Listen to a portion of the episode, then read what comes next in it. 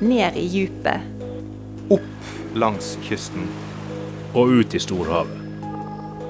Havpodden, en HI-podkast. Norge har enorme havområder, en lang kyst og dype fjorder. Fra Skagerrak til Svalbard så kryr det av liv. Fra små alger til store fisker. Og oppi alt dette her, en gjeng havforskere som prøver å finne ut hva som skjer. Det er flere grunner til at man går ut for å måle i havet. Én grunn er jo f.eks. det å kunne måle hvor mye torsk det er. Og gi bedre råd på, eller gi råd på torskebestander. Og det andre kan jo være å gå ut for å eh, overvåke miljøet. Og han som snakker nå, da er havforsker Geir Pedersen. Tradisjonelt, altså går man riktig langt tilbake, så er, var det jo sånn ekspedisjonsbasert. Challenger-ekspedisjonen og dansen. Men det man normalt gjør, eller har gjort uh, i mange år, er jo det å gå ut på tokt. Altså man går ut i et visst område en eller to uker i året. Og så gjør man uh, de observasjonene man kan gjøre. Men nå er alt litt i endring, for robotene kommer. Og hvordan de kan settes i arbeid, det er det Geir forsker på. En av tingene jeg har vært opptatt av de siste ja, fem-seks årene, er jo ny teknologi, ny ubemanna teknologi, eller ny automatisk teknologi som kan tas i bruk for forskning og overvåkning av, av havet og kysten. Hvorfor da? Hva er så stas med sånn ubemanna teknologi? Hva som er stas med det? Det er jo, det er jo kult, da. Men eh, det er også veldig nyttig. Eh, for det gjør jo at vi kan gjøre mer observasjoner, eller flere observasjoner. Og at vi kan observere mer kontinuerlig. Altså at vi kan være til stede og observere økosystemer hele året. Eh, det er jo altfor kostbart å ligge ute med en båt i lang tid. Altså vi hadde jo, Norge hadde jo tidligere f.eks. værskip som lå ute, men dette ble jo altfor dyrt. Altså Man kan, ikke ha folk ute og skip ute lang, over lang tid. Så, men robotene derimot, de kan man jo sende ut, og de kan jo gå og observere i månedsvis og opptil et år, kanskje. Så robotene kommer inn i forskningen. Men hvem er disse robotene? Hvordan ser de ut? Hva gjør de? Robotene kommer, eller de har kommet allerede, og de har vært her en stund. Um, de kommer i litt forskjellige form og farger. De er, og de gjør forskjellige ting. Um, det, du har de som krabber på havbunnen. Så har du de som um, svever over havbunnen. Og så har du de som går opp og ned i vannsøylen, og så har du de som ligger på, på overflaten, akkurat som et vanlig skip. Og igjen så kommer disse her i mange forskjellige varianter. Um, du har jo ting som har sin egen motor. Litt mer som tradisjonelle fartøy. Og så har du de som blir drevet av vind, og de som blir drevet av bølger eller oppdrift. Så det er mange, mange forskjellige varianter. Det er noe for enhver smak. Hva mangler robotene i dag, eh, som de kanskje kan få i framtida? Nei, de mangler jo litt intelligens, da.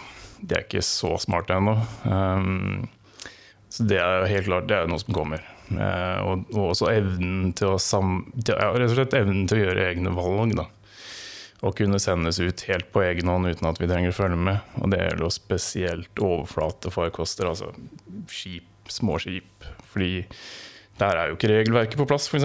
Så de, de, der må man jo følge med hele tiden. Men blir de smartere og regelverket kommer på plass, så, så vil de kunne måtte operere mer på egen hånd. Og det er jo akkurat som på land F.eks. selvkjørende biler. Det kommer jo det òg. Før eller siden så kommer vi jo ikke til å kjøre selv, men eh, det er jo en del ting som må på plass for det. Ja, eh, så Sånn som det funker i dag, da, så, så må, må, du være med når du sender ut uh, disse småbåtene dine?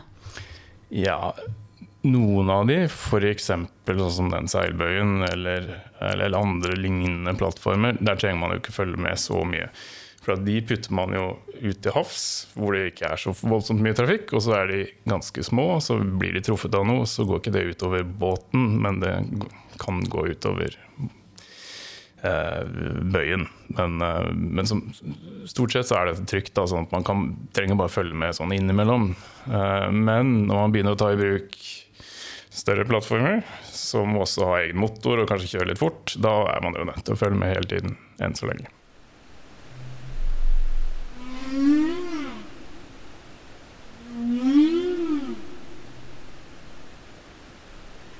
Dette er en knølhval fanga opp av mikrofoner på havbunnen. For i tillegg til robotene har forskerne satsa på reality-TV. Iallfall på en måte. En livefeed døgnet rundt strømmer rett inn fra Vesterålen i nord og til kontoret i Bergen. Ja, da sikter du vel til Lofoten Vesterålen havobservatorium. Og dette er en nasjonal forskningsinfrastruktur som ble etablert for noen år siden. Og det som skjer der, er at vi har lagt en kabel ut fra Vesterålen. Den har fiber i seg, sånn som man har hjemme, gjerne, hvis man har bredbånd. Og i tillegg til strøm. Så ut fra denne kabelen, denne kabelen går, ut, um, går over sokkelen og ned i dyphavet. Og langs med denne kabelen så putter vi på uh, plattformer, undervannsplattformer som står på havbunnen, fullt av sensorer. Eh, så der har vi jo utrusta med alle, alle, mulige slags sensorer som er vanlige i havforskning. Og alle de dataene strømmer da direkte inn til måte, kontoret vårt her på, på Nordnes på Havforskningsinstituttet. Så her har man Man får live bilder og data, annen data eh, rett fra havbunnen eh, utenfor Vesterålen og ned i dyphavet. Så dette er jo litt nytt. Her får man er, er, det ikke lenger sånn at vi må gå ut for å hente disse dataene sånn en gang i året, og så må vi da analysere dem og finne ut hva som har skjedd det forrige året, men her får vi det i det det skjer. Og kan på en måte kontinuerlig overvåke miljøet, både fysiske og det biologiske utenfor Vesterålen. Og Lofoten Vesterålen er jo, som de fleste vet, et veldig viktig eh, økologisk og økonomisk område. Eh, de fleste, eller veldig mange av våre viktigste fiskearter driver jo gjennom der som egg eller larver. Og skreien vandrer jo forbi der. Silda vandrer forbi der på vei til gyteområdene. Men, men, eh, dette observatoriet i Lofoten, eh, kablene, plattformene, det er jo store greier. Vil ikke de skremme vekk fisk og dyr fra seg? Nei, de gjør ikke det. Og litt av altså, dette observatoriet lager jo ikke noe særlig lyd. Det er ikke noen roterende maskiner eller noen pumper. Det er, det er, en kabel, og så er det noen plattformer som det står noen sensorer på. Og, det, og det, det, som egentlig skjer, er jo at med en gang vi setter ut noe som ikke er farlig, eh, så begynner jo naturen å ta tilbake igjen. Altså, det begynner jo veldig fort å gro. Planter på dette, her, ja, undervannsplanter. Og så, så, flytter jo gjerne fisk og krabber inn der, for det, det, gir ly og mat. Og det er jo ting som er ganske ettertrakta under vann. Så det, vi ser absolutt ingen um, si, reaksjon, negativ reaksjon på det. Da. Det er mer det at ja, ting flytter inn, rett og slett. Fisk flytter inn istedenfor å bli skremt av det.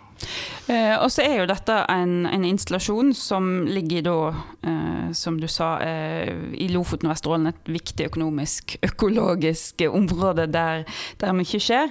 Men eh, hva får dere forskere ut av en sånn der Big Brother-overvåkning Altså, hva får dere ut av det?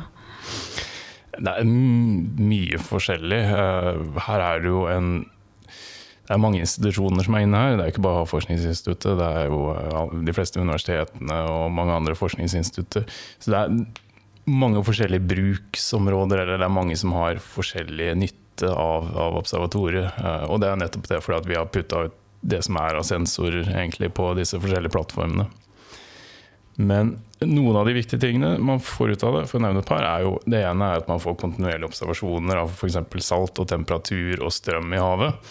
Og det er jo data som kan gå inn i operasjonelle havmodeller. Da. Det kan kalibrere og gjøre havvarslene bedre ved, ta, ved, at disse modellene tar opp i seg eh, målinger. En annen viktig ting her er jo at vi, vi får mer og mer forståelse for økosystemet. For her måler man kontinuerlig. Man ser hva som skjer gjennom året. Man ser hvor mye når, plankton, når dyreplanktonet kommer, når skreien vandrer, når silda vandrer.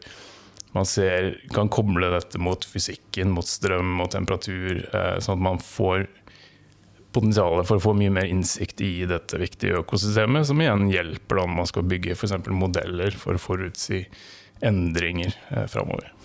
Er dette ideelt sett noe du ville hatt eh, langs hele kysten? At du kunne satt og sett hele norgeskysten live now? Det er litt den retningen vi er på vei òg. Eh, vi kommer til å sette ut mer og mer plattformer i framtiden som kommer til å observere kontinuerlig, både inne i nær kysten, men også inn i fjorder. Men det er klart, akkurat dette havobservatoriet er ganske uh, massivt og kostbart, så det kommer nok til å være andre varianter i framtiden. Men at vi ser uh, noe tilsvarende, at vi har kontinuerlige observasjoner ved hjelp av undervannsplattformer og bøyer også mer langs kysten og inne i fjordene, det, ja, det kommer vi til å få. Men tenker du at eh, hvis du ser inn i, i spåkula og ser framover, da, tenker du at på sikt, med alle disse plattformene, bøyene, robotene, så kommer forskningsskip og, og menneskelige havforskere til å bli helt overflødige? Da må du veldig langt inn i framtida. Eh, det er klart en eller annen gang så kommer sikkert uh, roboter til å kunne gjøre det meste, det både på land og til vanns. Men, men det, er, det, er, jo ikke noe aktuelt programstilling nå, eller i, så lenge vi kommer til å være inne i, inn i bildet her. Um, roboter, i hvert fall nå, kommer til å, å hjelpe oss uh, til å gjøre ting bedre og gjøre ting mer effektivt. Uh, og en av tingene som kommer til å skje når vi tar de mer aktivt i bruk nå i framtiden, er jo at man kanskje kan bruke forskningsfartøyet mer effektivt. Altså bruke for forskningsfartøyet til å gjøre ting man kun kan gjøre med et forskningsfartøy, mens litt mer sånne enkle og kjedelige datainnsamling kan kanskje gjøres av disse robotene. Havpodden er en podkast fra Havforskningsinstituttet. Jeg heter Stine Hommedal og jobber her. Teknisk produksjon og lyddesign var det Febril Film som sto for. Og du, du hører snart igjen.